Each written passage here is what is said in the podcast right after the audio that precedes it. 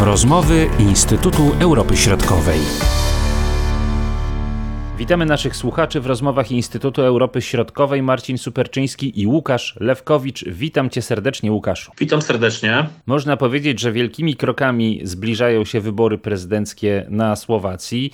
E, w drugiej połowie marca, jak na dzisiaj wygląda ten wyścig o fotel prezydenta na Słowacji. Jeszcze urzędująca pani prezydent y, zapowiedziała już dawno temu, że nie będzie brała udziału w tych wyborach. I jak zatem na dziś wygląda ten wyścig? Faktycznie Zuzana Czaputowa w czerwcu zeszłego roku powiedziała, że nie będzie startowała, a prawdopodobnie mogłaby wygrać tą drugą kadencję.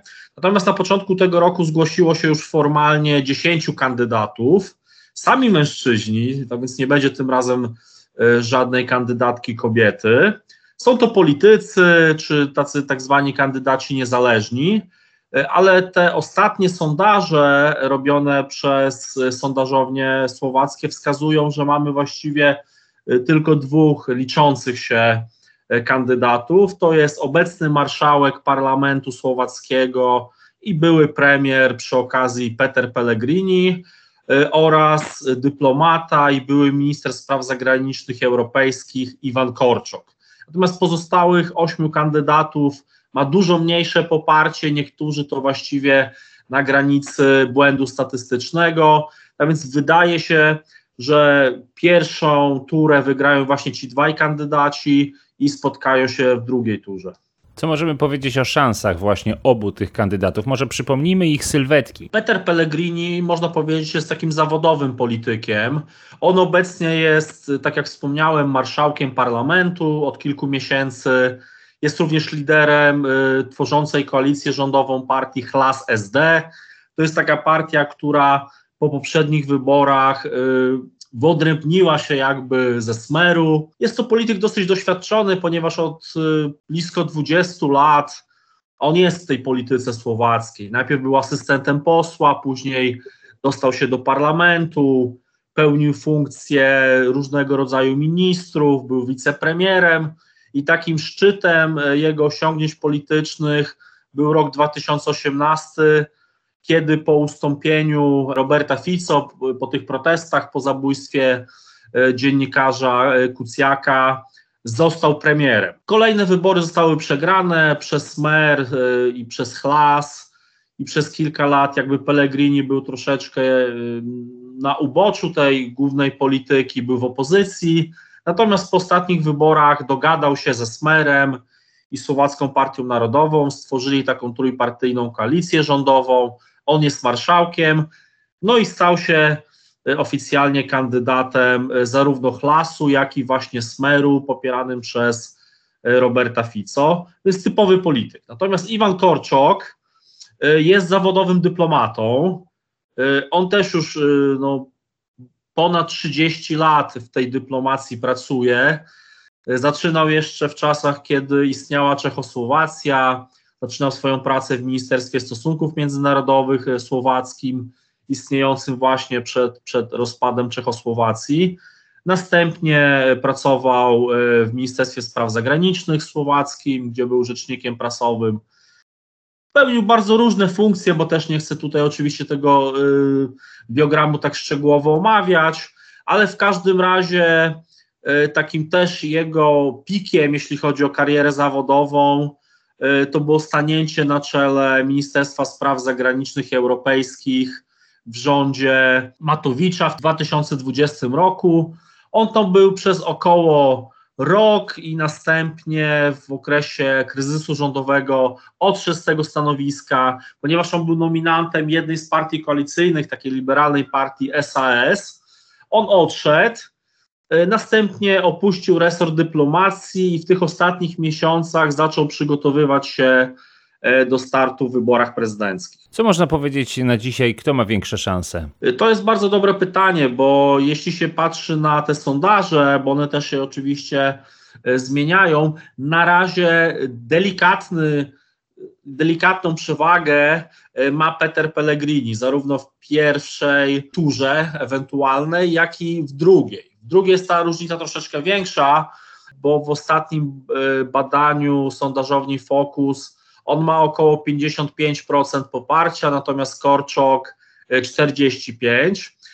Natomiast te ostatnie tygodnie pokazują jednak wyrównywanie się tego poparcia, to znaczy Pellegriniemu zaczyna troszeczkę spadać poparcie, natomiast Korczok zyskuje. Czyli mimo tej przewagi pewnej, y, jednak ona już nie jest taka duża, jak była pewnie jakiś czas temu.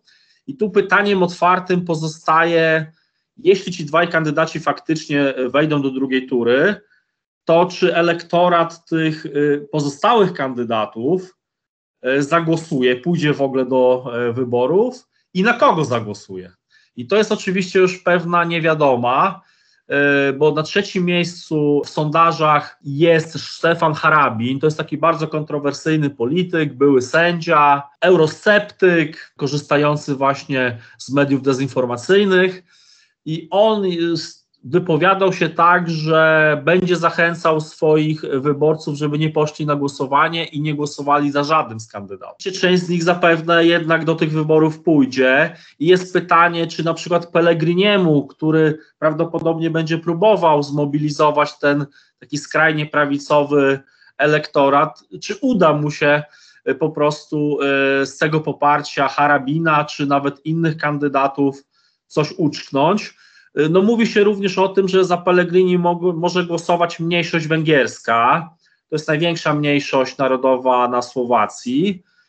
Y, dlaczego za Pellegrini? Ponieważ y, Korczok, kiedy był ministrem spraw zagranicznych, często krytykował Wiktora Orbana czy politykę węgierską i duża część tej mniejszości, ona jest trochę pod wpływem Wiktora Orbana, prawda, politycznie i to może spowodować, że po prostu nie zagłosuje za Korczokiem, a zagłosuje za Pellegrinim, ewentualnie nie pójdzie do wyborów. Więc jest tutaj pewne pole dla obu kandydatów, to znaczy zmobilizować osoby, które są niezdecydowane, plus pozyskać ten elektorat pozostałych ośmiu kandydatów. A jeśli chodzi o politykę międzynarodową, bo to nas tutaj najbardziej interesuje, w tych y, programach wyborczych, czy też y, w tych swoich poglądach, za czym opowiadają się zarówno jeden, jak i drugi kandydat. Może trochę w pewnym sensie upraszczamy tę naszą rozmowę, bo jednak koncentrujemy się tylko na dwóch kandydatach, ale ta, ta przewaga y, nad pozostałymi naprawdę jest bardzo duża. To takie wyjaśnienie dla naszych słuchaczy. Y, ale wracając do meritum, właśnie czym przede wszystkim się różnią? To znaczy, na pewno można powiedzieć, że obaj są prozachodni, czyli dla nich Unia Europejska, NATO są ważnymi instytucjami, w których uczestniczy Słowacja tylko pewnie można by wskazać pewne e, drobne różnice, które mogą ich różnić. To znaczy, Peter Pellegrini w czasie kampanii wyborczej, parlamentarnej i później, e, on deklarował, że chce wspierać e, Ukrainę. Natomiast teraz widać, że w celu właśnie zdobycia tego bardziej radykalnego elektoratu, który jest dosyć duży na Słowacji, być może będzie próbował wchodzić trochę w buty Roberta Fico, który jak wiemy, no bardzo się dystansuje od tej pomocy dla Ukrainy. E, Peter Pellegrini już miał kilka takich wypowiedzi, które wskazują na tą radykalizację jego poglądów na tą kwestię. On między innymi stwierdził publicznie, że e, należy jak najszybciej doprowadzić do rozmów pokojowych, że metodami wojskowymi nie da się tego konfliktu wygrać. I to jest właściwie y, to samo, co mówi od wielu miesięcy Robert Fico. Y, również takim y, ciekawą wypowiedzią w ostatnim czasie Pellegriniego było jakby poparcie dla występowania słowackich hokeistów, którzy występują w rosyjskich barwach, żeby oni mogli występować na tych zbliżającej się mistrzostwach hokejowych świata. Czyli on stwierdził, że mimo, że oni tam w Rosji pracują, to to jest sport, nie polityka yy, i powinniśmy po prostu pozwolić im na to. Yy, to jest taka dosyć yy, ciekawa narracja Pellegriniego, która chyba też jest skierowana w stronę tego elektoratu radykalnego, często prorosyjskiego, antyukraińskiego. Natomiast Iwan Korczok jest uważany za wielkiego zwolennika integracji europejskiej, sojuszu z Amerykanami. On jest bardzo doświadczonym dyplomatą, który właśnie tą swoją karierę robił również na różnych placówkach w Europie Zachodniej czy w Stanach Zjednoczonych. On był na początku lat 90. drugim sekretarzem ambasadora w Bonn w Niemczech. W 2018 roku został mianowany przez prezydenta Andrzeja Kiskę na ambasadora Słowacji w Stanach Zjednoczonych.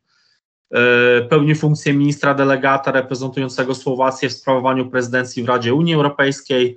Więc jego doświadczenie no, pokazuje, że on jest bardzo zaangażowany w te prozachodnie e, instytucje.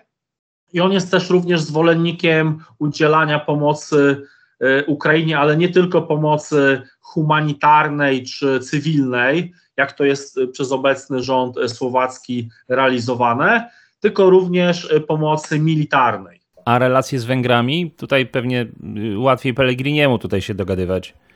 Myślę, że tak, bo tak jak powiedziałem wcześniej, e, Korczok jako minister spraw zagranicznych, on często krytykował Wiktora Orbana za jego politykę wobec Ukrainy, e, za w ogóle podejście do e, Rosji, do kwestii bezpieczeństwa i to powoduje, no to pewne reperkusje wewnętrzne, bo ta mniejszość węgierska na Słowacji prawdopodobnie na niego nie zagłosuje. Natomiast Pellegrini jest tutaj e, bardziej koncyliacyjny. Ja nie znalazłem jakichś jego publicznych wypowiedzi w ostatnim czasie, w, trakcie trwającej kampanii wyborczej, gdzie on by krytykował e, Wiktora Orbana, tak więc wydaje mi się, e, że jego podejście jest pewnie podobne do podejścia, które prezentuje Robert Fico. On się za, na ten temat za bardzo nie wypowiada, ale podejrzewam, że jako prezydent będzie w stanie się dogadać z Wiktorem Orbanem. Tutaj trochę krążymy wokół tych Węgier, ale y, powód też mamy i wspomnimy także o sytuacji na Węgrzech teraz, bo y, przy okazji y, tej zgody, w końcu zgody Węgier na akcesję Szwecji do, do NATO, jak ta Mm, sytuacja była komentowana na, na samych Węgrzech. E, co się o niej mówi, może także na Słowacji? No wydaje mi się, że na Węgrzech to oczywiście była narracja narzucana przede wszystkim przez stronę rządzącą, tak więc tam nie podchodzono krytycznie do tego, że ten proces trwał prawie dwa lata. Y, na Słowacji to oczywiście w zależności co będziemy analizować, jakie medium czy jakiego polityka, E, no bo Robert Fico nie krytykował oczywiście Wiktora Orbana za taką postawę, natomiast jeśli się przeczyta różnego rodzaju media, media liberalne, e, lewicowe, e, tych mediów jest dosyć dużo na Słowacji, niezależnych portali, gazet, to tam jednak była ta narracja zgodna z tym, co głosiły pozostałe kraje natowskie, które jednak no, krytykowały Węgry za to, że to trwa tak długo, że to jest pewien układ, ukłon w stronę Władimira Putina. Twierdzono, że po prostu ta reputacja Wiktora Orbana poprzez przedłużanie takie bezcelowe, bezsensowne, e, że, to jest, że, że ta reputacja została w dużym stopniu naruszona, zniszczona, tak? Że to było niepotrzebne, nie, bu, nie było to jakichś argumentów merytorycznych, tak więc oczywiście wszyscy się cieszą z tego, że ostatecznie ta decyzja została podjęta przez parlament, natomiast no, trwało to bardzo długo. E, tutaj Słowacja miała zupełnie inne podejście niż e, Węgry. Tak więc ta, ta retoryka słowacka oczywiście może być czasami krytyczna wobec Ukrainy, wobec pomocy dla Ukrainy, ale w takich strategicznych kwestiach, jak właśnie rozszerzenie NATO, to tutaj nie było jakichś większych kontrowersji. Viktor Orban został osamotniony E, nawet w Europie Środkowej, nawet w Grupie Wyszehradzkiej e, i nie wyglądało to dobrze i, nie wygląda dobrze. Powracając do wyborów e, prezydenckich na Słowacji, to już ta pierwsza tura 23 marca. Dokładnie tak i w sytuacji, gdy żaden z kandydatów nie uzyska tam większości głosów, to druga tura odbędzie się 6 kwietnia. Natomiast y, ta kadencja Zuzany Czaputowej, ona się formalnie kończy w połowie czerwca, tak więc prawdopodobnie wtedy będziemy mieli zaprzysiężenie y, nowego prezydenta. Bardzo dziękuję Łukaszu za ten komentarz, za przybliżenie nam y, tego wyścigu do fotela prezydenckiego na Słowacji. No i zobaczymy, co się wydarzy 23 marca. Będziemy mieli powód do kolejnej rozmowy. Oczywiście, pozdrawiam serdecznie. Były to rozmowy Instytutu Europy Środkowej.